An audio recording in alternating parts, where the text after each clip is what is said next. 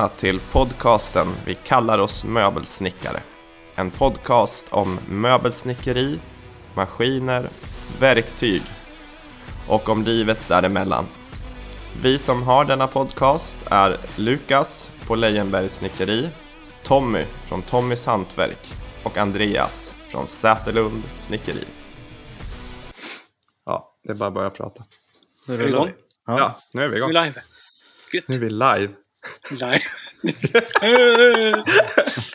det här, det här kommer med i podden. Ja, ja, vad säger vi? Hej och välkomna till Vi kallar oss möbelsnickare. Eh, jag som pratar nu heter Lukas och sitter här med Andreas. Hej. hej. Och Tommy. Hej! Eh, ja, och vad, vilka är vi? Ska vi börja i den änden kanske? Ja, men det vore nog inte så dumt va? Tycker jag låter som en bra idé. Den enda rösten ni har hört innan, det borde ju vara Tommy som är lite... Eh, som hörs på, på Instagram i alla fall. Och YouTube. Ja, men jag kan väl, kan väl börja och dra lite kort om mig.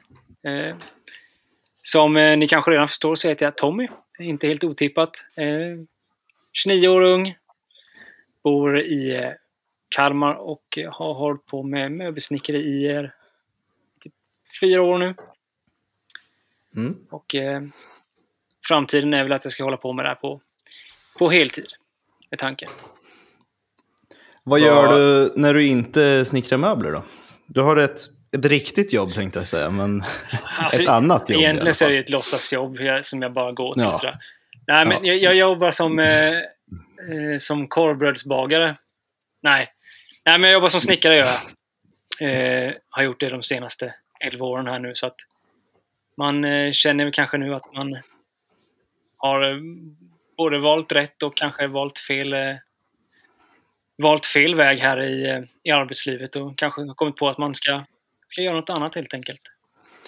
Känner du att du har någon eh, nytta av ditt ordinarie jobb i möbelsnickeriandet?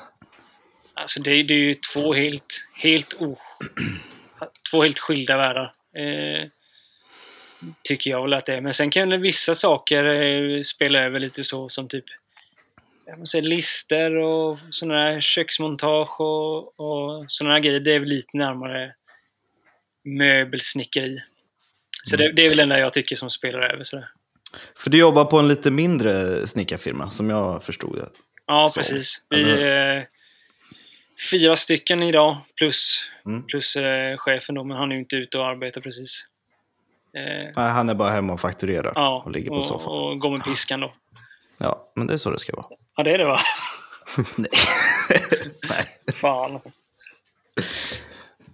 Ja, men eh, Andreas, hur kom du in på det här med snickerier?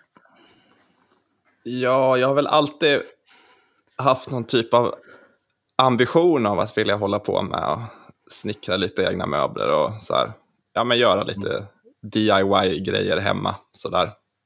Bygga om någon IKEA-möbel eller något sånt. Men jag har aldrig riktigt haft utrymmet att vara någonstans. Eh, vi har bott i, ja, men i lägenhet och sen i ett parhus utan liksom, ja, ingenstans att ha några maskiner. Sen köpte vi ett ganska stort hus med ett eh, garage. Och som alla vet så i garage har man ju inte bilen. Där Nej. har man sin såg. Ja. Som sig bör. Precis. Nej, så då fanns väl liksom möjligheten att börja kunna göra lite mer avancerade grejer än bara klä in ett Ikea-skoskåp med plywood. Mm. Så det började med en DeWalt bordsåg och sen har det bara gått ut för efter det. Mm. Jag har väl egentligen ingen, ingen ambition att göra det på heltid. Jag skulle vilja göra det kanske en eller två dagar i veckan. Men eh, jag tror inte... Jag, tror inte jag, jag gillar lite variation. Jag, jag, jag har Ja. ett kontorsjobb i vanliga fall, så Ja, klart, då är det Ja. ju verkligen skönt att göra någonting med händerna också ju. Och då får man ju Ja, för mig är det bi-.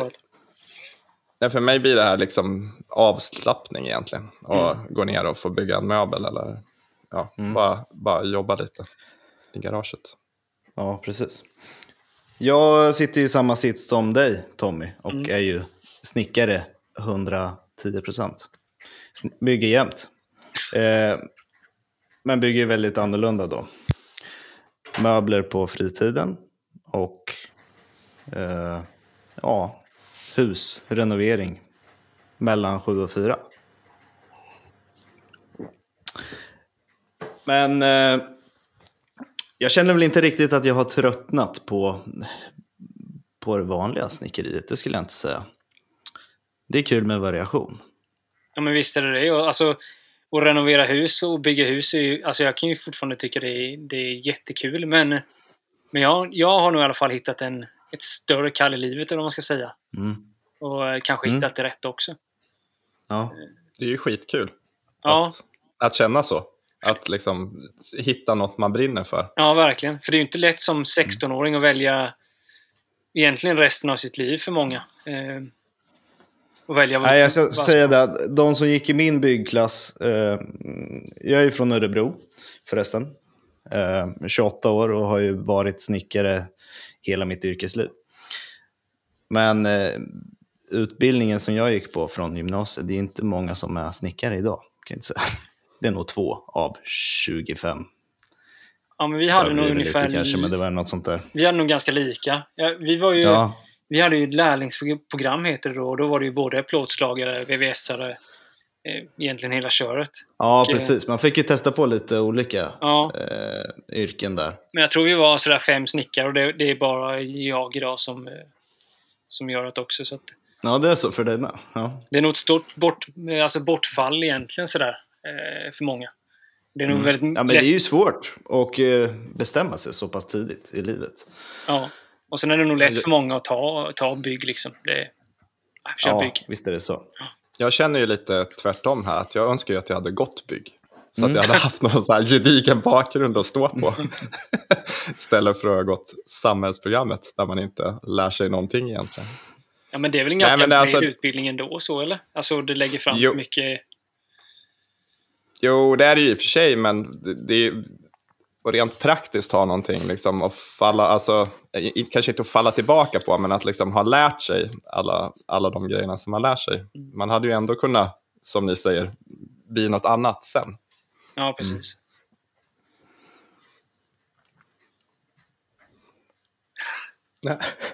Katt. Ja. Nej, men, ja, men då Andreas, när, när, när gjorde du din första riktiga möbel, om man säger?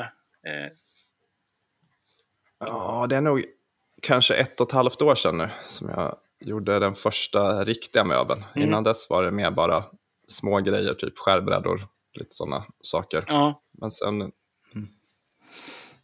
byggde jag ett soffbord. Jag tror att det är ungefär ett och ett halvt år sedan. du, du, du som, blev, som, som blev ganska uppskattat. Liksom. Så kände jag att så här, ja, men man kanske man kanske ska prova att göra något och sälja. Ja, precis. Det är väl ofta där det startar, att man bygger någonting eh, som man behöver till hemmet helt enkelt. Ja, Och tänker att mm, ja, det här skulle jag kunna köpa, men jag kan ju också lära mig att bygga det själv. Det kan ju vara lite roligare. ja precis. Verkligen. Eh, Och på den vägen är det nog många går. Eh, och får det här, ta det här första steget liksom, och Ja, men bygga den första möbeln. det tror jag också. Det var väl lite så jag tog det också, fast jag var kanske lite för, för snål för att gå till Ikea och köpa en möbel. Ja. Så man, man tog liksom spill och sånt där som blev över och, ja. och byggde av det. Och eh, jag tror det första, det var när jag så här skulle flytta hemifrån. Jag gjorde så här några soffbord, och, eller något soffbord och så här mm, nattduksbord av MDF och målare. Liksom. Det, det var nog min, min första min första möbel sådär. Och sen så tog det ju typ tvärstann i möbeltillverkningen. Förrän nu vi till 2018 flyttade vi till huset och då gjorde jag en hel del möbler till vårt hus då. För jag menar det är dyrt att hålla på och renovera och, och Mm. eh, Då hade du ett helt hus att fylla med möbler. Liksom. Ja precis. Nu fyllde jag inte hela huset med möbler men några i alla fall. Ja. ja, precis. Men när började du inse att du kunde sälja dina möbler? Alltså, hur, hur kom du in på den banan? Men alltså det För det är en sak att bygga åt sig själv, men sen att, sen att sälja dem är ju en, det är en helt annan grej egentligen. alltså egentligen var det nog inte förrän Eh, jag startade Instagram-kontot där, Tommys hantverk. eh, Som jag insåg att det kanske fanns någon som ville ha något specifikt sådär. Eh, Mm. och det var ju liksom vänner och familj och sånt där ville ju ha grejer och sen kom det någon som de kände och tittade på. Ja, han var duktig, kanske man kan köpa någonting av sådär. Så det var nog kanske lite när... Men det var nog ganska mycket där när, när Instagram-kontot startade att jag insåg att det kanske finns en marknad för, Mm. för möbler. Då. Och, eh, och till början på Instagram-kontot så delade jag egentligen bara snicka saker när vi renoverade huset och, och sådana grejer. Och, och eh, ibland så gjorde jag någon möbel och la ut sådär. Men, eh, och det verkar som det var dem det var mest respons på eller så. Att det, var- det var nog lite på den banan jag kom in på, på möbelsnickeri där i alla fall. Mer än vad jag Mm. var innan så att säga. Ja, precis. Du då Lukas, hur, hur kom du in i det här träsket? Ja, jag försöker tänka. Ja, precis. Nej, men det gick väl från, säg säger man var på något bygge och byggde lite kök eller lite finare reno- eh, inredning så, platsbyggt. Eh, och då var ju steget inte så långt till att bygga ett, ett skåp eller ett bord eller en möbel på så vis. Men jag tror väl att jag byggde lite till, till oss själva eh, la väl upp på sociala medier. Kände att eh, fick lite medvind där. Tänkte, ja, det här kanske är värt något. Eh, på den banan är det väl. Eh, jag kommer inte riktigt ihåg vad det första man byggde, men det var nog eh, soffbord. Som många andra, tror jag. Eh, känns som ett eh, övergripligt projekt att ta sig an i början. så. Jo, men det håller jag med om. Det, det, Och sen gjorde man ju självklart fel eh, i alla... jag kommer ihåg, jag, jag la upp soffbordet i, i någon möbelsnickargrupp på Facebook. Eh, och fick alla 60-åriga gubbar som, som talade om alla fel jag hade gjort.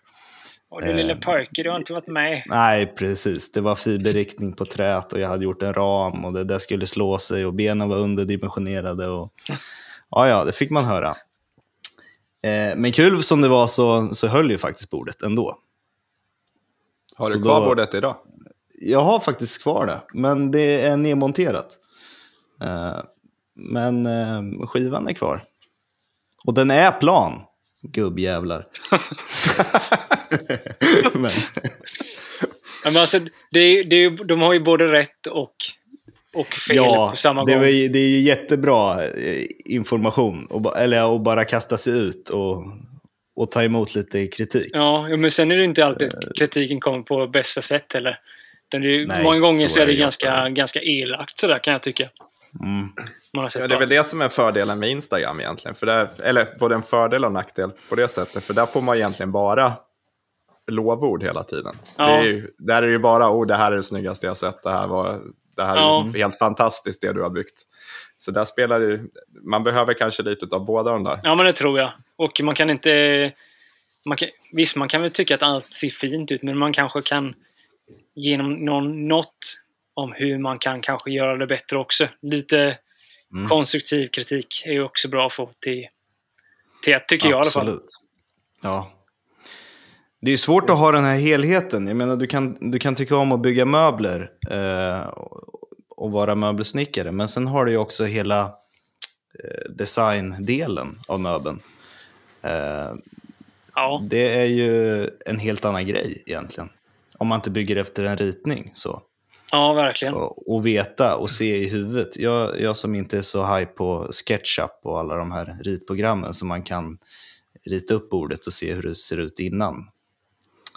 Eh, då får man ju liksom öva lite Mm. eh, hur, och föreställa sig hur det kommer se ut. Liksom. Men du, du har liksom som en liten eh, ritning i huvudet kan man säga. Ja, den sitter här någonstans Ja. eh, och snurrar konstant. Ja, det gör det. Ja, men då är vi ganska, ganska lika där. För innan jag lärde mig SketchUp, som var väldigt, väldigt nyss, så gjorde Ja. jag precis samma sak. Jag, man ritade liksom en bild i huvudet och sen så försökte man få ut den i verkligheten så, så gott man kunde. Ja. Ja, jag har försökt få ner den på papper också, men det, jag är för oduglig för det.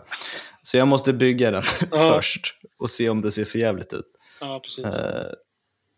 Hur Jag jobbar du? precis som du, jag jobbar precis som Lukas. Jag, Ja, allting det. sitter i huvudet. Och sen att förmedla det, det är liksom det, är det svåraste utav allt. Ja, Mm. det är hemskt är det.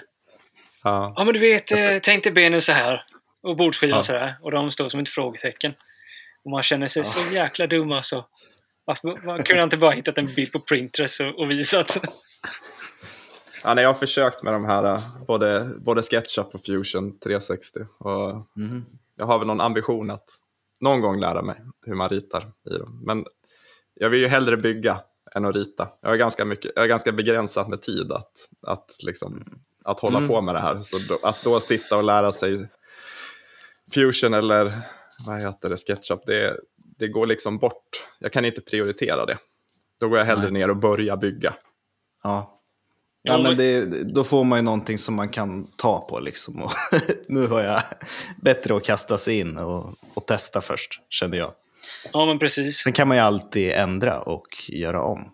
Så det, Absolut. Det, det, det får man ju göra kanske även att man har eh, även att man har ritat en grej så eh, och gör exakt som man har ritat det så kan det ju fortfarande liksom se lustigt ut i andra vinklar och sådana grejer. Då kan man ju fortfarande få, Mm. få göra om. För jag menar, en ritning det visar ju en bild på datorn i 3D men det visar ju inte, fortfarande inte verkligheten. nej. Jag lyssnade ju på eh, podden eh, Three Northern Makers. Där pratade ju Pierre om, eh, det, det var väl från SketchUp kanske, eller något ritprogram där du kunde få, eh, få ut det du ritat i, i din mobilkamera så att du kunde se den liksom, i rummet. Det låter ju rätt häftigt faktiskt. Så då kunde han liksom visa upp för kunder att eh, här i vardagsrummet står nu bordet och visa på telefonen med, med kameran. Liksom. Ja. Fan, det. Det var ett jäkligt häftigt sätt Ja. att, att kunna visa. Om man är dålig på att förklara vad man, vad man har i huvudet. Ja, det, det vore nog inte så dumt faktiskt. Eh, Men, men som sagt, tillbaka till SketchUp där. Jag har ju försökt lite och, och, och lära mig att rita så här och det är nog mycket för att jag ska kunna visa upp för framtida kunder att om de inte har någon klar vision om hur det ska se ut, då, då kan jag liksom rita fram någonting som är, Mm. som är så likt verkligheten som, som jag kan få det i alla fall. Eh, istället för att jag ska försöka förklara med, med lustiga ord och handgester liksom hur det ska se ut. Eh, Mm. Ja, jag tror det beh- behövs om man ska kunna liksom få bygga någonting annat än det man har byggt tidigare. Ja, precis. Eller om inte kunden har en helt egen ritning. Det har Nej. jag varit med om att de har kommit med helt egna ritningar. Alltså ganska detaljerat att vi vill ha det byggt exakt så här. Mm. Det är ganska, det är ganska tacksamt i, på ett sätt. Då får man ju... Ja, verkligen. Då tar ju det där Men hur brukar, hur brukar beställningen se ut för er? För jag får ju ofta väldigt eh, detaljerade bilder från kanske just Pinterest då, Mm. som de skickar över att det här bordet vill jag ha. Eh, och då känner väl jag första steget, okej, vad kan jag ändra för att göra det här mitt, men ändå göra kunderna nöjda? Eh, men då får man ju så funkar mina kunder i alla fall, att de har en ganska klar bild över hur de vill att sin möbel ska se ut redan. Är det lite samma för er? Ja, alltså de flesta har nog en väldigt klar bild sådär. Eh, Det finns ju så mycket inspiration. ja, och- ja, men det, det är som du säger, de skickar liksom. oftast bilder eller så ber jag dem skicka bilder. Eh, Mm. För då kan jag lättare förstå vad, Ja. vad de är ute efter. Men sen kommer det ju Precis. sådär, ja, ja, vi vill ha en sån här skiva i trä. Ehm, Mm. och sen Nej, man får inte ha- riktigt eh, träslag och... Nej, eh, nej, det får man aldrig. Det får aldrig Nej. i alla fall. nej, nej. Nej, det har aldrig Det är hänt. sällan. Men det är också ganska skönt, för då kan man ju lite styra in projekten på vad man själv vill bygga. Ja, jo, så är det. Men har sett att, oh, oh, jäklar, nu har han fått in fina valnötsplank där. Då, då skulle jag vilja föreslå en skiva i valnöt till dig. Precis. Det, det kan ju vara kul och, och då kan man liksom, när, man, när det kommer en sån kund som inte kanske redigt har klart för sig vart de vill ha, då kanske man själv kan ta fram det man själv vill göra också. Ja, som du säger. Och eh, liksom få, få ut sina idéer och kanske få rensa huvudet lite på liksom idéer man har och liksom kunna komma upp med nya samtidigt som man, som man gör det här då. Men eh, bygger ni alltid åt kunder eller har ni, har ni byggt någonting som ni har velat bygga och sen försökt sälja det? jag har väl försökt... Jag bygger ju nästan till 100% eh, åt kunder. Och så har det väl varit sen jag drog igång, eh, vad är det nu, 2019 började vi bygga på beställning. Eh, men det är också så, jag, jag, jag lägger ju liksom inte 40 timmar i veckan på att bygga möbler.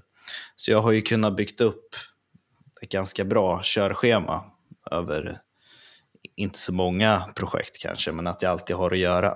Mm. Så då har jag inte riktigt haft tid att bygga någonting utan beställning. Eh, Det har hänt någon gång. Eh, Men jag upplever att det är väldigt svårt att få det sålt. Jag vet inte vad ni tycker. Ja, jag håller med. Eh, Jag gjorde för... Kan det ha varit år sedan ungefär, så gjorde jag ett eh, lite mindre eh, matbord, typ köksbord. Det var en och... Var det typ 1,40 kanske eller sånt där, gånger 90 eller sådär. Live Edge eh, skivor i Ja. ask och med lite enkla hairpin legs. Mm. La ut det på Blocket, Marketplace och alla de där ställena. Inte Mm. en människa. Nej. Jo, det var någon som skrev så det bara, ja, jag köper det för 1500 kronor. Mm. Ja, nej. Jag tror det är lite svårt också, för kunderna, de vill ju liksom vara med och bygga sitt bord.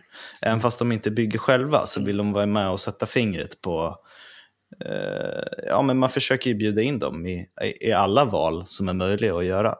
Så att det ska kännas liksom som deras eh, projekt. Jo, men precis. Eh, och den aspekten tappar man ju helt på en färdig produkt sådär.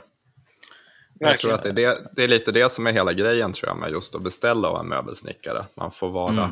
att man får vara med i processen, att utforma, att välja ytbehandling, att välja liksom, Mm. ja men alltså man, man kan vara med och välja små detaljer som kanske gör, gör helheten för kunden. Mm. Ja, men det, det håller jag verkligen med om. Att, eh, att de får vara med. Och att det är nog det enda som gör att de vill gå en möbelsnickare också. Ja, Liksom annars kan de lika väl åka till Ikea eller Mio eller vad de nu åker från hans. Mm. Det är nog mycket att de liksom är ute efter något först och främst specifikt. Och eh, att de vill liksom vara med och sätta sin eh, touch på det helt enkelt. Mm. Nej, men det kanske vi ska förtydliga liksom, med det vi bygger. Det, det är ofta kunder då som, som inte hittar det de söker, som finns att köpa på Mio och ja, möbelhus generellt. Nej, precis. Ehm, och ehm, vad tänkte jag säga? Ja, men mina, mina tre senaste kunder har ju... De skulle ha haft- något väldigt så specifikt och måttanpassat. Eh, Ja, Och de som har sagt att vi har varit runt i alla butiker och det finns ingenting. Och finns det någonting så tycker vi inte om det och- vi vill ha det så här. Som eh, jag gjorde ett soffbord nu, det jag la ut i, eh, igår tror jag. Eh, spindelbordet där. ja, Det, det är ju en, skivan är ju liksom en meter bred. På ett soffbord. Det är Mm. ju inte jättemånga soffbord som har en meter bred skiva precis. nej. Nej, det är ett stort soffbord. Ja, det är ett jättestort soffbord där. Så att... Eh, där, där kommer jag återigen, det är ju något väldigt ovanligt. Det finns inte direkt i affären och... Och det är ju det där specifika. Men var, men var det du som fick dem att... För jag vet att du har velat gjort ett sånt med Ja. de benen. Var det, var, fick du kunden att välja, att välja de benen? För jag antar att de inte hade sett just, Nej. just den utformningen av Ja. ben tidigare. Jag la fram, eh, jag la fram det. De ville egentligen ha två soffbord i eh, ek med rundstavar till ben. Det, det, jag tycker inte de så snygga ut och de har varit jättesvåra att få stabila. Och Ena skulle vara lägre och den andra skulle vara högre och de skulle kunna skjutas ihop. Och, och, för de hade en ganska lång soffa, det ena efter det andra. Och, eh, sen vart det ju det där med att just att de blev rätt stora och, och Och jag tyckte inte riktigt att den benkonstruktionen skulle göra att det blev ett stabilt bord. utan Jag trodde det skulle vingla rätt så mycket sådär. Så eh, då skrev jag till henne att eh, du, jag har en idé. Så eh, är du intresserad så kan jag skicka över några bilder sådär. Och ja, ah, nej, men vi kan, vi kan absolut, vi är väl ganska bestämda på att vi vill ha de här, men du kan ju alltid liksom komma med din input. Mhm. Och det tog väl typ 10 sekunder efter jag skickat bilden och skrev hon det vill vi ha. Exakt sånt vill vi ha. Fan Ja. vad kul. Ja, Vad roligt. det var riktigt skoj. Och eh, som sagt, som Andreas sa, det det här har jag velat göra eh, ett bra tag nu. Eh, Mm. Ja, men det är en jätte, ett jättehäftigt bord. Ja, jag tycker det. Ni som inte har sett det borde in, gå in och kolla på, på Tommys hantverk på, på Instagram för att se hur det ser ut. Precis. Hoppa in där. Eh, för, för vad sa du att det hette, eller kallades? Spindel... Spider Table heter det väl. eh, Ja, ehm, han, ja, ja, eh, men när man kollar, när man ser själva eh, benen på bordet, eller basen, så förstår man ju varför det heter som det gör. Det ser nästan ut som att bordsskivan svävar på, på benen och... Ja visst, en magiker. Ja, precis. Harry Potter. Nej, väl det är blixten? Vad använder du för att få skivan att sväva ovanför basen? Ja, men du vet... Eh, Magi. ja, magi. precis. Jag Ja, köpte det på burk. såklart. Nej. Nej, men jag gjorde jättestora dominobrickor. Eh, Ja. Gjorde jag. Och eh, vad var de? Typ 40 gånger 12 millimeter tror jag de var. Eh, och jag har ingen dominofräs som kan göra det, det hålet liksom. Så jag gjorde en liten fräsmall och fräste i de här eh, dominobrickorna i själva benstommen. Och eh, sen la jag bordsskivan på ovansidan och sen rätade jag in vart benen skulle vara och eh, ritade ut där och sen fräste jag ner det. Och eh, då Mm. lämnade jag de här tapparna för långa helt enkelt så att det ger ett mellanrum mellan, mellan benet och bordsskivan där. Ja. Jävligt läskig fräsning den i bordsskivan alltså. Oj, oj, När oj, du oj, oj. ska sätta, hur många brickor var det? Fem brickor var det. Ehm, Ja, fem brickor som ska linjera upp. Ja. Det, är, ja, det är bra jobbat. Jag gjorde ju dem dock eh, lite större i bordsskivan. Så alltså om den här eh, bordsskivan skulle krympa eller, eller sådär så skulle det ha lite plats att röra sig på i alla fall. Mm. Men eh, det var ju kvartssågade ex så att den skulle röra sig ytterst minimalt lite. Nej, precis. Den är ju väldigt stabil. Ja, precis. På tal om eh, ek och virke. Mm. Vart eh, får ni tag på ert virke? För det upplevde jag som det absolut största, alltså det var det, var det största hindret när jag började. Att vart fan Mm. får man tag på material? Så jag började ju hela min karriär med att köpa, jag har ju alltså, hängt på Blocket, svar, ringt på varenda annons på ekbord som har sett rimliga ut och åkt halva Uppland runt och letat begagnade bord liksom, som jag skulle kunna Ja. bygga nya saker utav. Det är väl ett ganska bra tips, att du kan ju hitta ett gammalt, eller ett begagnat ekbord på Blocket för en femhunka. Skulle du köpa den virkeskubiksmängden så skulle du få betala sju gånger så mycket. Ja. Men, men därifrån är det inte allt man kan bygga. Jag brukar väl... Eh, ofta köper jag inte in så mycket mer virke än vad jag vet vad, vad kunden vill ha. Om jag bygger specifika plankbord till exempel. Eh, så startar det ofta med att, att- att skicka bild på, på planken som är uppsågade. Eh, och då är det liksom övergrova plank som är lite mer unika. Sågade i, vad kan det vara, 7 cm tjocka, upp mot en meter breda. Då har du ju redan en kund som, som vill ha just den skivan. Eh, och då är det ju ganska lätt att, att hitta vad man ska köpa. Men, hur, men hur hittar du vart? Alltså hur hittar du liksom folk som säljer och, och sånt där? Jag vet inte vart jag började hitta det, men eh, jag köper ju nu, nu sist köpte jag ju från, från Nävekvarn eh, ner mot Stockholm. Jag har också varit på eh, massiv trädesign ner mot Göteborgshållet och köpt breda plank. Eh, men sen har jag köpt lite från privata aktörer som har ett logosolverk och har sågat upp och, och torkat. Eh, så det är lite olika skulle jag säga. Mm. Ja, jag tycker nog det svåraste var att hitta, hitta möbeltorrt virke. Ja, Ehm, och du kan köpa möbeltort som de säger är det, men ja. oftast så skarvar de några procent. när man stoppar i sin mätare så står det 20 procent. Ja, ja. Mm. Det är kanske är möbeltorrt i en dels ögon, jag vet inte. Snickeritort skulle jag säga, men Ja. det är en helt annan bransch. Så. Ja, precis. Nej, men för första gången jag skulle ha möbeltorrt virke så... Så, Då åkte du till Bauhaus. så åkte jag till Bauhaus och köpte och det ekplank. blev inte billigt. Nej, det blev fan inte billigt. nej, nej, men vi, vi har en, eh, en äldre man som brukar göra trappor eh, till de här villorna vi brukar bygga. Mhm. Och han gör alltid, stort sett alltid om ek. Och, eh, så jag ringde till honom och kollade om jag kunde få köpa eh, några plankor och göra mitt första ekbord i. Det var det första gången jag köpte möbeltort i alla fall. Och eh, där insåg man ju också hur dyrt det är mot eh, Mm. vad eh, de säljer liksom på, på Blocket där, sådär, som är nysågat. Mm. Men sen efter jag gjort det bordet så eh,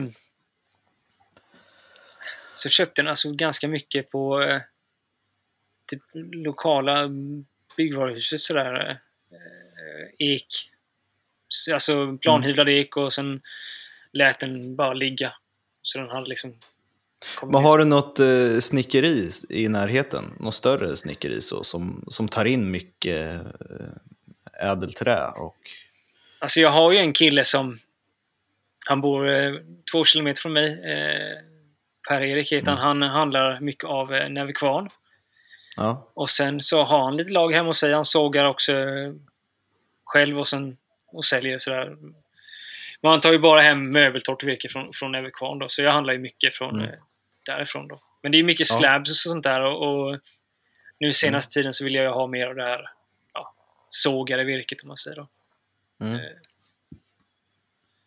Så det är väl, jag är väl ganska bra så jag kan väl få tag på eh, de flesta träsorterna och sådär. Men det är väl just det Mm. sågade virket som är lite svårare att få tag på för just mig i alla fall. Eh, Mm. för tillfället. Är det någon, har ni beställt på nätet någon gång från någon av de som finns? Calexico eller Ja, Gut, Gutwood eller det finns ju flera stycken. Ja, precis. Eh, nej, det har jag inte gjort. Inte från, eh, från Calexico ska jag faktiskt beställa nu, men jag har inte gjort den. Men då, då handlar det om helstav i, i furu och ek, och, alltså i, ihoplimmade skivor. Då. Mm. Eh, men annars så tycker jag det är lite svårt. Eh, jag menar, vi är inte som ett stort snickeri som tar hem en, nu ska vi ha en fyra kubik ek här, eh, kör hit eh, blandat kvalitet så, så bygger vi av det. Ja, När man kör lite mer småskaligt så vill man gärna veta exakt vad man får. Eh, man har inte så stora marginaler där. Eh, nej, nej, man har ju inte det. Men eh, även att det har varit jäkligt skönt om man hade fyra kubik ek som låg bara och och väntade på Ja, det hade varit jättehärligt. Bara veta att man har och inte behöver åka iväg och fixa sådär. Men, Mm. eh, Ja, det hade varit drömmen. ja, verkligen. Det hade varit lite svårt att arbeta här inne bara. I, Ja, ja, likadant. På mina 25 kvadrat. Ja, vi kan väl ta lite om det. Vart, vart bygger ni någonstans? Hur ser era snickeriverkstad ut? Jag bygger i garaget som Mm. sitter ihop med vårt hus. Så det är liksom det är ett, ett inbyggt garage i huset. Så Mm. det, det har ju sina fördelar med att eh, vattenburen golvvärme, vilket ju gör att det är Oj, ganska oj, varmt och oj, skönt. Det är oj, ganska oj. skönt, varmt och skönt här inne. Lyxsnickaren här. Ja, det är lite lyxigt. Mm. Det har ju sina nackdelar med att man kan ju inte jobba hur sent som helst på kvällarna för då Nej, man får inte låta. Nej, precis. precis. Ja, men, Kan inte stå och hyvla klockan 11 på kvällen, nej, men det kan jag. Nej. som man behöver. Ja. Ja, men det, hyvla klockan 11, det, det, är, det är inga problem här. Ehm, Nej. vi eh, gör ju också garaget, eller en del av garaget. Men det sitter inte ihop med huset? Nej, nej, det gör det Nej. inte. Det, det ligger typ kan vara 25 meter från huset. Så att, eh, Ja, Det det är är lite samma som min situation. ja.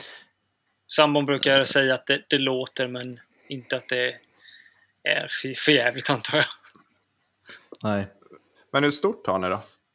Jag har typ, ja, strax över, men någonstans mellan 20-25 kvadrat. Ja, jag skulle nog säga att jag har ganska liknande. 25, strax över 25 kanske till och med. Uh, I ett dubbelgarage håller jag till. Ett gammalt. Jag har, Ja, du har, typ, du, typ 17 kvadrat ungefär. ja, det har nog du minst. Ja, minst ja. Ja, Och mitt är ju bredare ena än och smalare andra. Det är väl, alltså, ki, ki, kilformat. ja, det är det. Ja. Ja, men det, det är så jäkla lustigt byggt det här huset. Eh, eh, Det är ju någon gammal stolp, stolpblad eller sådär från början. Och eh, på ena huset, eller på ena gavlen så är det ju avhugget.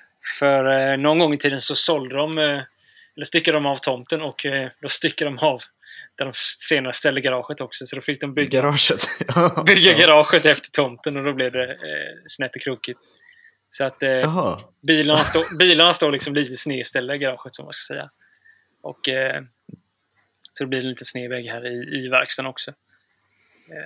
Men Du har alltså bilen i garaget? Mm. Jag är nog den enda Ja. svensken som har det. Oj. Ja. Nej, den står faktiskt utanför. Men jag brukar alltid tjata om att vi ska ställa in bilen. Vi, vi har alltid tomt på en plats. Eh, och jag brukar nog alltid köra in bilen, men det är nog min sambo som brukar lämna, lämna den ute där. Ja, smidigast. Men vad klämmer ni in på era kvadratmeter då? Vad har ni för...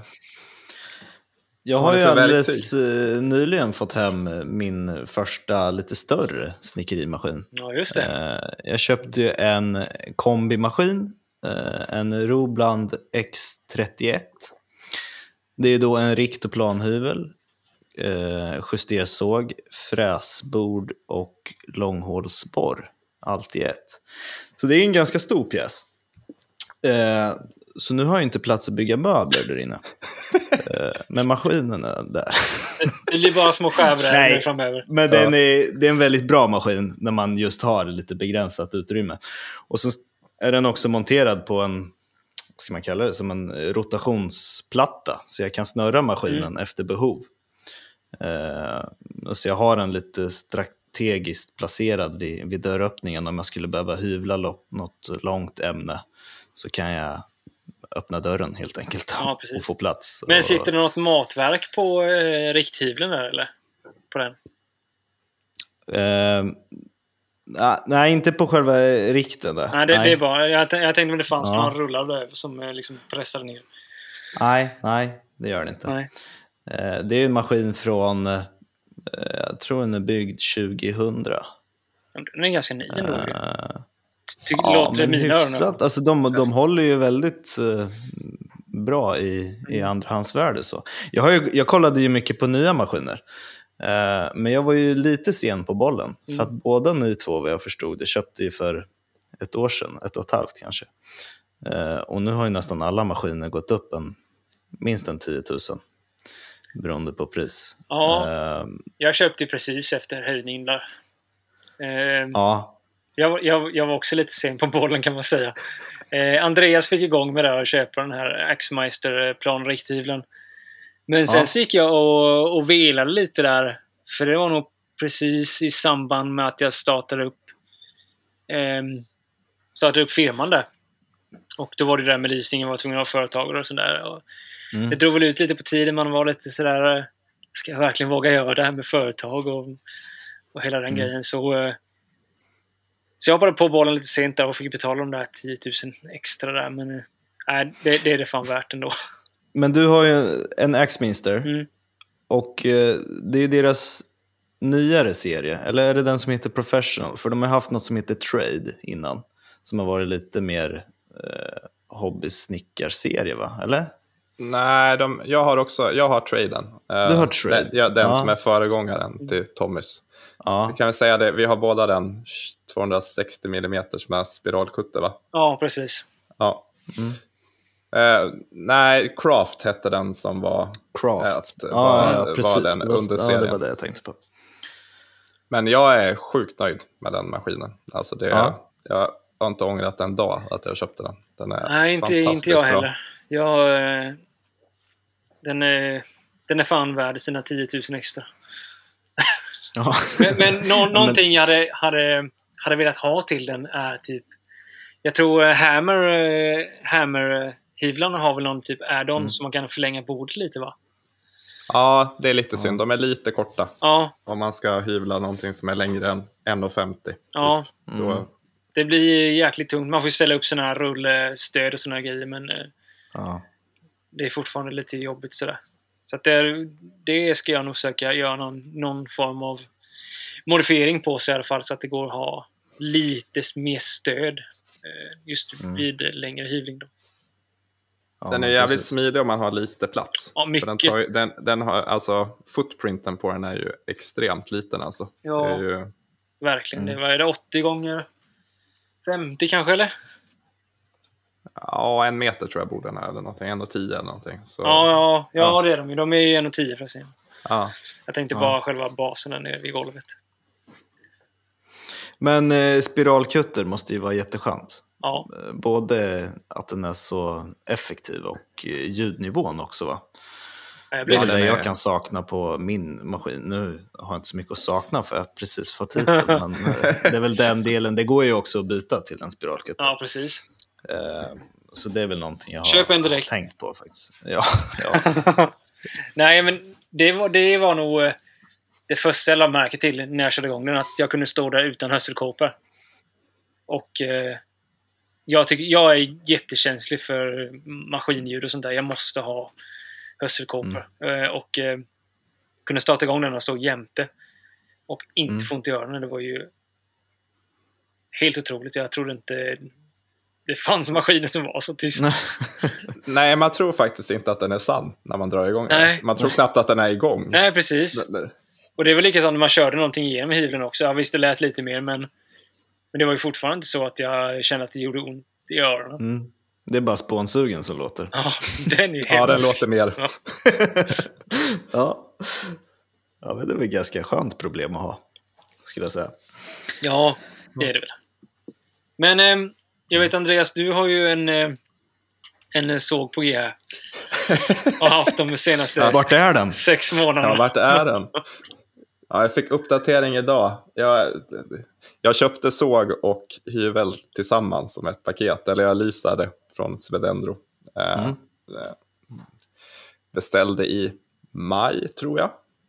Så frågade de, eh, när de skulle skicka hyveln så sa de att nej, den, sågen är, finns inte i lager, den kommer in i juni. Ja. Bara, Ja, ja, men, eh, ja, vi skickar hyveln då så tar vi sågen senare. Nu är vi i december i, på torsdag. Jag har fortfarande ingen såg. Yes! Nej, den sitter fast i England just nu, men det är något strul med manualen. Men kanske innan jul, om jag har tur. Ja, vi hoppas Ja. på det. Men det är, Ja. det är lustigt att det ska hänga upp sig på en sån, till mig, liten grej som en manual.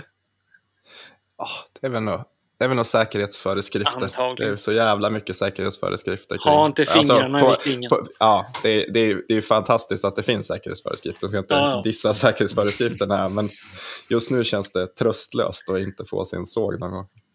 Ja, och sen har du din andra såg tingad av en kille också. Ja, det med. Som gärna vill ha den någon gång. Han väntar lika inte, jag kan inte som gärna sälja sågen liksom. Bara utan såg skulle Ja. inte funka. Men eh, har ni KPR-såg grabbar? Ja, ja, Ja. En, en liten en. Ni, ni har den i verkstaden? Nej. Ja. Nej, det- jag, har min, jag har min i ett uthus. Ja. Den använder jag, jag använder den bara när jag bygger trall. Mm. Mm. Nej, men det är väldigt sällan. Eh, Men jag är lite, jag skulle faktiskt vilja ha eh, Eh, Den större modellen. Nu vet jag inte vad den heter. Axe Men den som, är, ja, den som har den där robotliknande Ja. armen som du kan i princip skjuta upp jämt eh, emot väggen. Ja, precis. Eh, som tar väldigt lite utrymme. Jag har, jag ju, kunna tänka mig. jag har ju den som liknar Capex. Ja. Med de här railsen framåt. Så den kan jag också köra upp emot Mm. väggen sådär. Mm. Men Jag har typ inte använt den på uh, skitlänge. Nej. Jag, eh, till förra projektet då bara tog jag fram den bara för att jag skulle använda den lite och, och kapade upp några eh, plank där. Men eh, den står bara och dammar den och jag har faktiskt inte använt den mycket alls.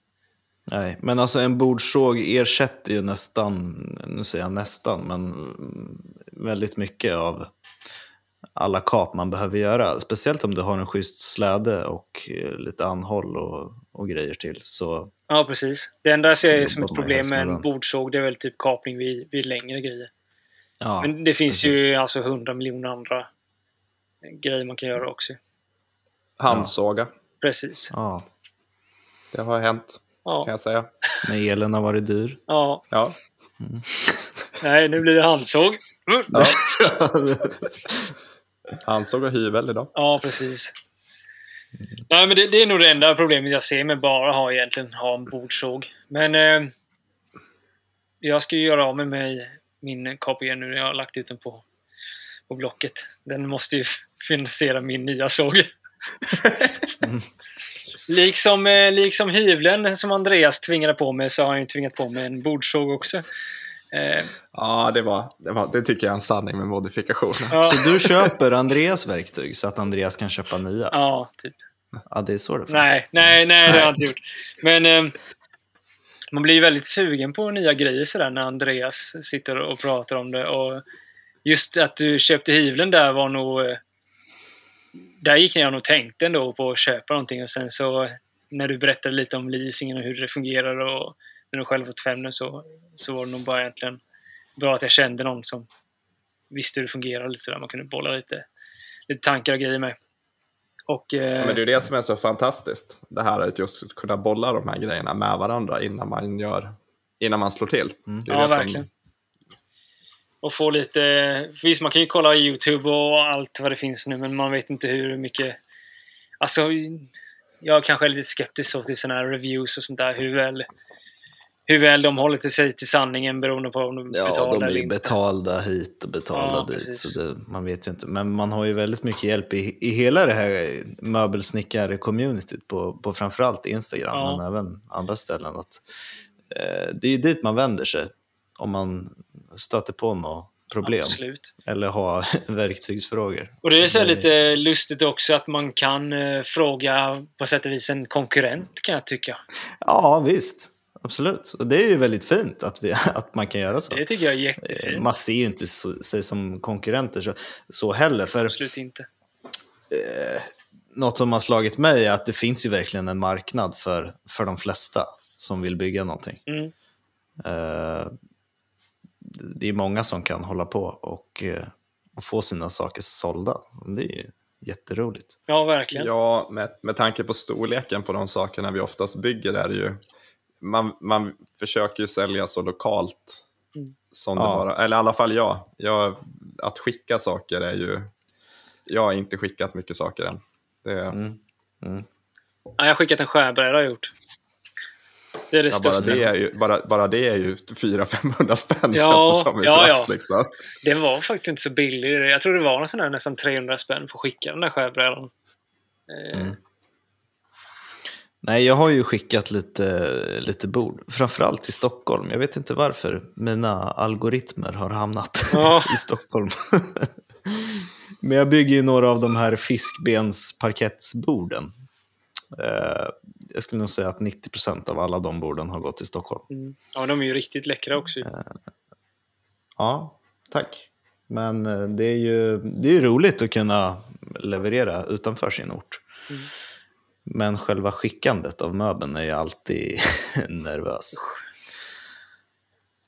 Nej, nej Ja, det är hemskt. Då. Så man, man vet inte riktigt vad som händer under, under resans gång heller med, med, eh, med möbler Nej, det är just det. Man, man spenderar nästan lika lång tid som att bygga möbeln och, och bygga emballage. Mm. Eh, Nu överdriver jag, men eh, man vill ju verkligen att det ska hålla på vägen dit. Ja, det, det är nog bättre att vara någonting. lite överambitiös med, med den delen Ja. och eh, kanske vara säker på att det kommer fram. Liksom. Ja, och sen slutar det med att man sätter sig i bilen själv och kör ner. Kör efter lastbilen bara. Nej, Ja, ja visst. vad ska du? Nej, inte, ska, nej, du ska inte dit. Nej. Men bygger du emballaget av, av typ OSB eller någonting eller har du slagit in det liksom i... Ja, det har varit... eh, Har jag skickat det på, på pall, liksom, eh, utskjutande gods på pall, då har man ju fått emballerat med OSB till exempel. Ja. Cellplast OSB och liksom byggt som en, mer eller mindre en låda. Det, det blir dyrt i dagens, med dagens priser på, Ja, på, på OSB och så. ja, det är nästan uppe vid ekpriserna OSB Ja. idag. Så det, Ja, det är hemskt. Är det. Eh, Jag skulle skickat det här slagbordet. Ja. Eh, som ni har sett. Men eh, det slutade med, det har slutat med att vi ska åka och lämna det faktiskt. Eh, vi blev inbjudna på middag och lite sådana grejer där. ja, Så eh, av kunden. ja. Eh, och det här är ju ett litet reklamarbete ju. Så Mm. det är ju en av en svensk influencer som jag har eh, räckt ut en hand till och eh, frågat om hon var intresserad av ett, eh, ett nytt matbord till deras kök och eh, förvånad som jag blev så svarade hon ja där och eh, hon bor ju i i eh, Värmland där så att det är inte jätteroligt att bara ta bilen och, och sticka och lämna det sådär. Men eh, så då sa vi att vi skulle skicka det men sen nu efter närmare eftertanke så ville hon att vi skulle komma där för att, och, och lämna det. Så Ja, vi ska väl ta en, en, en weekend här och eh, göra något roligt av det också. Och inte bara åka och, och lämna liksom. Kan du ju få lite content kring själva leveransen också. Det är ju alltid, Ja, det, det är ju det som är det värsta nu med, eftersom allting bygger på att man måste ha content på allt hela Ja. tiden. Så det ju, det är ju det. Och sen är det lite sådär man vill se kundens uttryck när de ser det för första gången också. Och det, det tycker jag är bland de roliga grejerna också. Alltså har man verkligen Verkligen. prickat Det är det deras som är så är det jättekul att se det på dem sen. Exakt, det är det som är lite nackdelen med att skicka iväg grejerna. Mm. Tappar mig liksom. Det är roligt när de kommer och hämtar det själva. Ja, verkligen. Verkligen. ja. Eh, Jag hade en kund här Så idag som var och hämtade... Jag hade gjort ett till sånt där tambourskåp som de var hämtade idag och eh, Mm. de var nog de kunderna som har blivit gladast tror jag. Eh, Alltså? Ja, nej, men de ligger nog högst upp där på att bli gladast. De var liksom helt saliga när de kom Mm. hit och tittade på det. Så att, eh, det Ja, var vad en jättestor egoboost det där och att de blev nöjda och att man precis tog deras version och gjorde en möbel av det. Mm. Så det är sjukt det roligt. Ja, det är lite, där, det, är lite det som är liksom grejen med att bygga. Även om man får betalt så är det ju, alltså att se, se kundens reaktion är ju, alltså det är en stor grej. Ja, verkligen. Det tycker Mm. jag också. Och sen just det där med att man kanske har gjort ett, eh, vi säger ett matbord och och det ska sitta en familj runt det där och, och liksom skoja, skratta, ha vänner över och liksom det skapas minnen där runt och det har man en liten del i det också. Mm. Sen kan det ju visserligen hända tråkiga grejer runt ett bord också men, eh, men jag tänker bara på det roliga i alla fall. Ja, men det är ju roligt att mm, lägga energi i att bygga någonting som man, eh, som man vet eh, kommer hålla Mm. väldigt länge också. Men hur tänker ni, nu har vi pratat mycket möbler, bygger ni Mm. mindre grejer också? Alltså typ skärbrädor, alltså sådana saker. Jag håller på lite med sånt, men jag tycker, jag vet inte. Jag tycker det är Ja. svårt att få, det, få, någon, få någon business i, i att göra skärbrädor. Det, Jo, men det är väl det. Jag försöker ju undvika att bygga skärbrädor. Nej, men det är väl... Ja, jag har gjort några stycken, men det är ju... Det är svårt att kunna räkna hem tiden man lägger eh, och få in det i, i priset på skärbrädan. Det kan man säga rakt ut att det går inte ihop. nej, nej det gör det inte. nej. Eh, och eh, Sen kan det vara kul och det blir ju alltid lite till, till jul eller till någon som fyller år eller någon present. Så. Alltså det, är en Eh, slänga jättebra en present att absolut. och, och ge bort en skärbräda tycker jag. Och, Ja. Man kan göra den lite personlig också. och Liksom skriva in namnet på, mm, gravera in. Jag vet inte om ni har någon eh, laser eller Andreas har ju en, eh, CNC. Ja, jag fick ju en... Jag har, jag har, ju, jag har, ju, jag har ju ärvt alla mina lasrar. som jag, Nej, men det började med... Eh, allting, kom, allting kommer från Pierre, the Swedish Maker. Så Ja. stort, stor shoutout till honom. Tack, här Pierre. För att, tack Pierre för Tack, alla Pierre. lasrar jag har fått av dig. Nej, men jag fick en, inte utav Pierre, men utav Andy som var en del av The Three Dorned Makers tidigare. okej. Men eh, sen visade det sig att den här lasern var någon jävla scam. Eh, som, som Pierre blev medveten om typ ett år senare efter att han hade gjort sin, sin video på den. Så då frågade han om jag ville ha en ny laser utav honom. Och, ja, det, det är svårt att tacka nej till en, till en laser. Så jag fick Ja. faktiskt en, en, en jättefin laser utav honom. En Orter Laser Master 2, tror jag. Men eh, vad menar du? Scam? På, eh, Det var någon sån här Kickstarter-kampanj som var Aha. på, på nätet och så fick Pierre en sån för att recensera till sin. YouTube-kanal. Jag tror det här, det här var ganska tidigt när han hade sin kanal. ja. Så han tackade ja till den där, eh, använde den, så fick han nya lasrar. Så då gav han den till Andy. Mm. Och sen fick Andy en ny laser, också utav Orter. Då fick jag den utav Andy.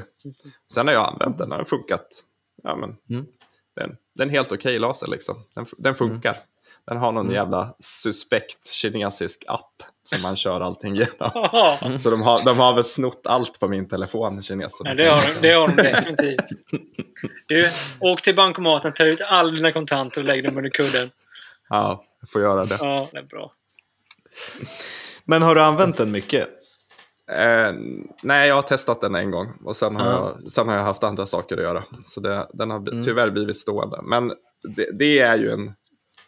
Om man ska ge sig in i, i skärbrädeträsket eller och göra, alltså göra andra mindre saker, då, är det ju, då tror jag att en laser är helt oumbärlig just för att kunna personifiera det man, det Ja. man gör. För att- Absolut. Det är ett ganska lätt sätt att, att höja värdet på en produkt och göra den personlig till den som köper den.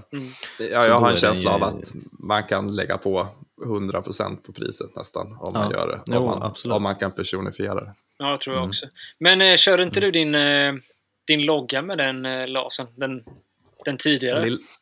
Jo, men det har funkat skitbra. Mm. Men då har du en laser som du kan i princip flytta och ställa på där du ska gravera, eller hur funkar det? Ja, den lilla lasern är, ja, den, alltså den första lasern, den är jätteliten. Mm. Den, den är typ kanske 15 gånger 15 centimeter. Så den går ju i princip att ställ, ja. ställa på vad som helst. Mm.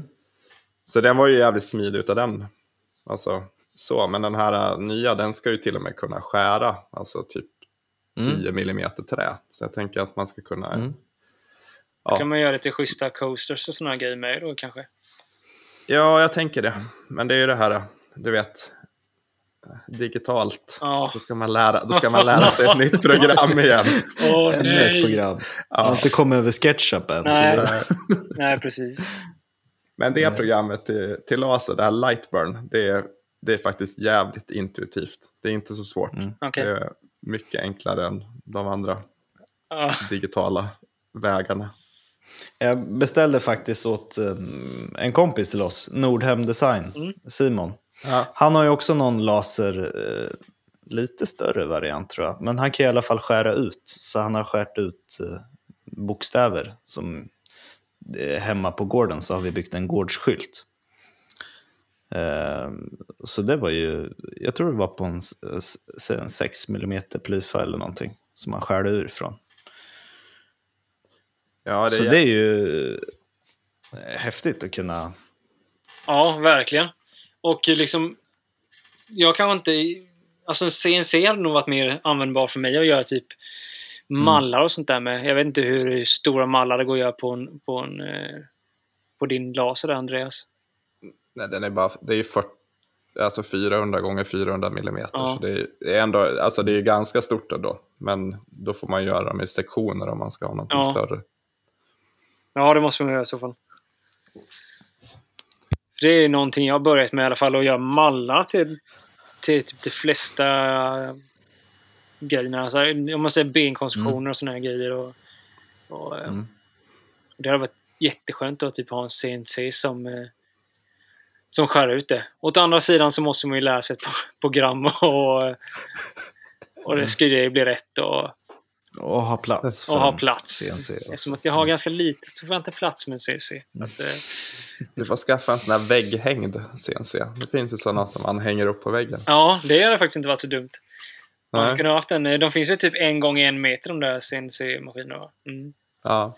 Det räcker ju nästan för att göra en benkonstruktion liksom, eller delar av en benkonstruktion i alla fall. Mm.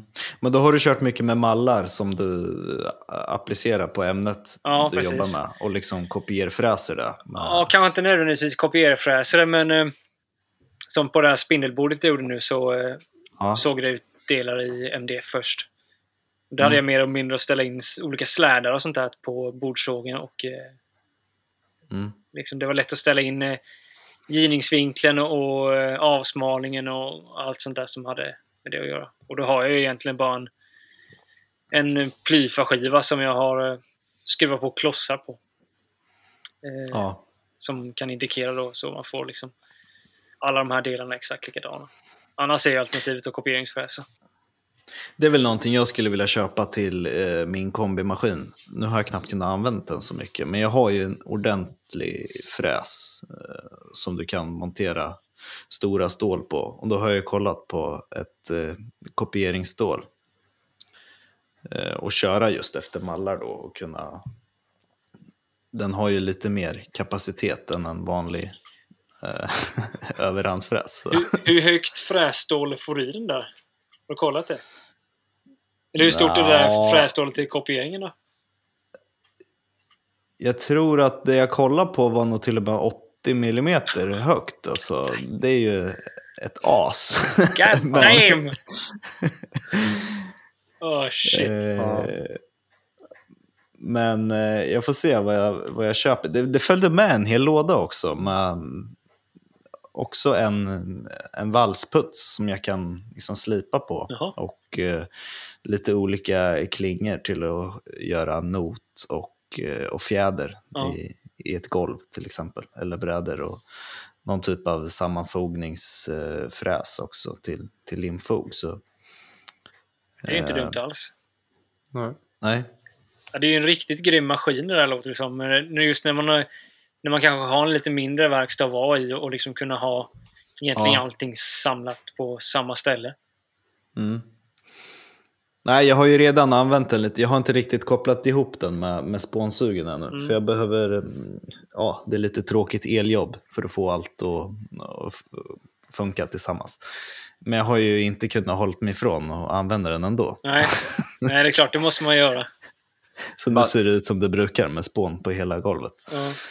Eh, Men den är ju fantastisk att kunna såga med eh, justersågen på, på ett glidande gjutjärnsbord på, på släde. Liksom. Mm. Ja, jag kan tänka mig att det är magiskt. Ja, det måste vara fantastiskt. Ja. Alltså, Andreas drömmer sig bort nu tills han får sin Ja. såg med gjutjärn. Men vad är det för såg du har beställt, Andreas? det är också en Axminster. Ja, Med, jag, har, jag, har, jag har förlängningsbord och så här extra rails och allting. Det står här Ja. hemma fortfarande. Det står här hemma och väntar. Bara vänta på att sågen ska dyka. Har du fått det okej, redan? ja, ja, ja. Ja, det fick jag när jag fick. Jaha. Så det, det, det står här hemma. Ja, basen står här hemma. Det är bara sågen som fattas. Det är extra irriterande. ja, Det är bara att ställa det i någon annan del av huset så man slipper se på det och bli påmind. Men det är ju alltid det här när man köper nya verktyg. Alltså hyveln var ju, det var ju inte så stora problem för jag, jag hade en sån här DeWalt, sån här lunchbox, vad heter den? DV733 Mm. innan. Så jag hade ju inte ens någon rikthyvel utan jag fick ju bara, det var ju bara planhyvel liksom, Mm. som jag hade tidigare. Så den, den var ju inte, den, den, den blev ju, ersatte ju liksom ingenting direkt så. Men att lära sig någonting nytt, det är ju det här, tar så jävla mycket tid att montera ihop och ställa in och Ja, ja. fixa i ordning liksom. Jag vet inte hur mycket fick du hålla på på själva riktbordet? Och eh, jag fick hålla på lite och skruva lite där så de var liksom i, i synk. Jag upplevde dem som ganska mycket i synk Mm. nu. Jag har, inte, jag har inte testat jättenoga så, men jag, när, när, man, när man kollar det man hyvlar så är det, så är det 90 grader, Ja. så det tycker det borde, borde räcka. Ja, jag hade lite problem att, eh, att ena bordet dippade ner lite. Ja, okej. Eh, Så eh, förbordet om man säger innan, innan kutten där, så det dippade ner lite, eh, någon millimeter där, så jag fick skruva upp det lite. Och, och sådär då. Men eh, det vart ju jättelätt att fixa så. Jag tog bara några, Ja. några par skruvar och sen justerat på gången så var det perfekt sen efteråt. Det var ju väldigt bekvämt där jag köpte, för jag köpte från, från Cernbrandt. Eh, och de, eh, det är så bra när man köper begagnat från dem, för de går ju igenom hela maskinen. Ja. kollar så allt funkar och justerar. Jag har ju inte bara två bord, utan jag har ju en fyra, ja man kan säga fem bord i utjärn som ska liva med varandra. Så det är många ställskruvar och, Oj, oj, oj, oj. Jävlar. att hålla på med. Eh, så det var ett stort plus. Och att allt, eh, allt var inställt och klart för att köra när den kom hit. Ja, det är rätt så skönt, för det är rätt så tråkigt att börja hålla på och, och ställa in. Ja, nej, men jag hade redan satt in mig i YouTube-videon som finns på 37 minuter. Och I vilken ordning du skulle skruva på vilken skruv. Men eh, man vart inte klok på det där, så det var skönt att jag, att jag slapp det. Faktiskt. Ja, verkligen. Ja, för det, det är nog...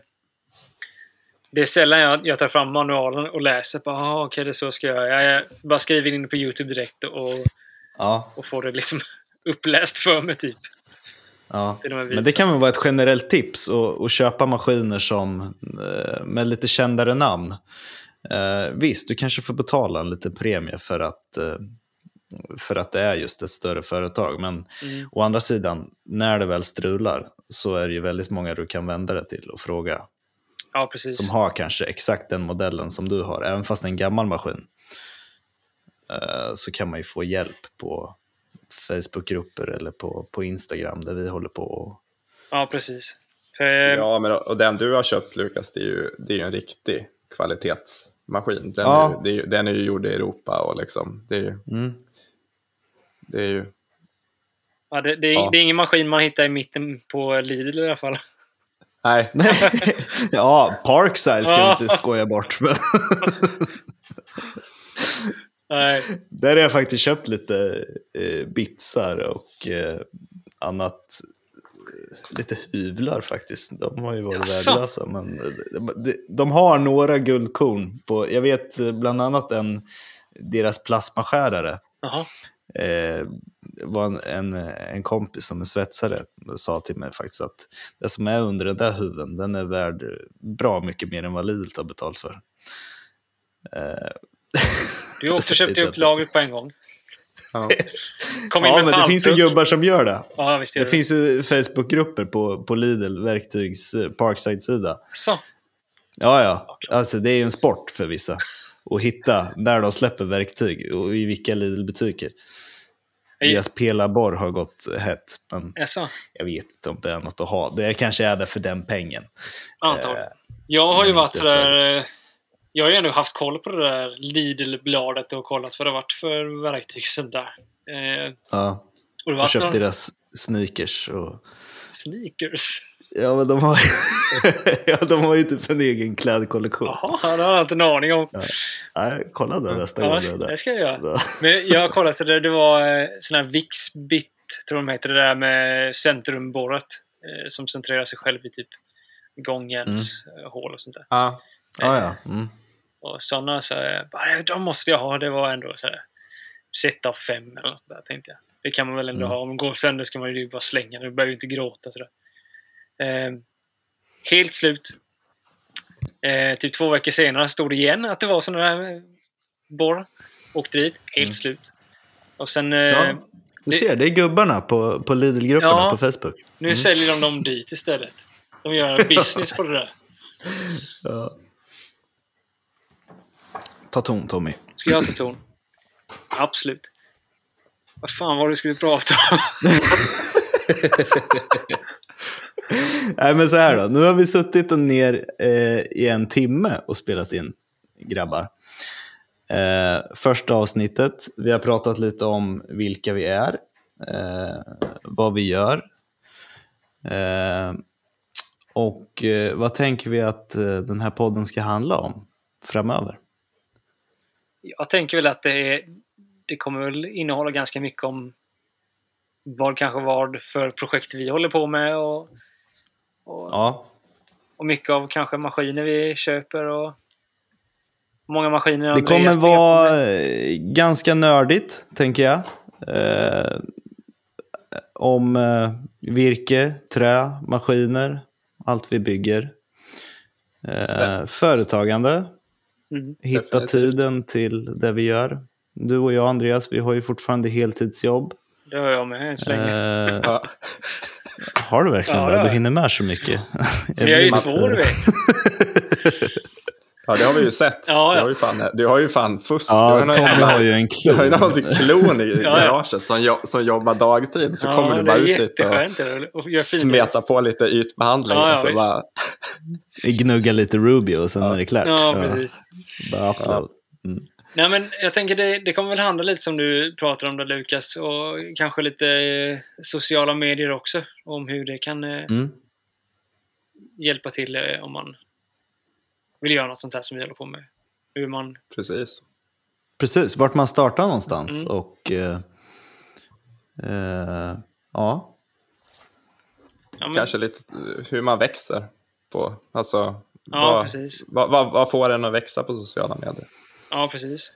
Ja, men Mm. det, det är nog jättebra. Och, och sen att det liksom finns ett jättestort community för, för just det här. Och alla är egentligen bara glada om de får hjälpa till också. Ja, mycket större än vad man tror. Ja, Och mycket, mycket mera folk i Sverige än vad man tror som håller på med det här. Mm. Över hela landet. Ja precis. Vi, verkligen. Vi tre det har är ju någonting träffats, man har märkt. Vi tre har ju träffats här över, över Instagram liksom och, och idag sitter Ja. vi och kör vårt första poddavsnitt. Så det är ganska coolt. Och tar en öl. Ja. Ja. Ja. Det är jättecoolt tycker jag. Ja, men eh, hur ofta kommer vi släppa avsnitt och sådär nu då?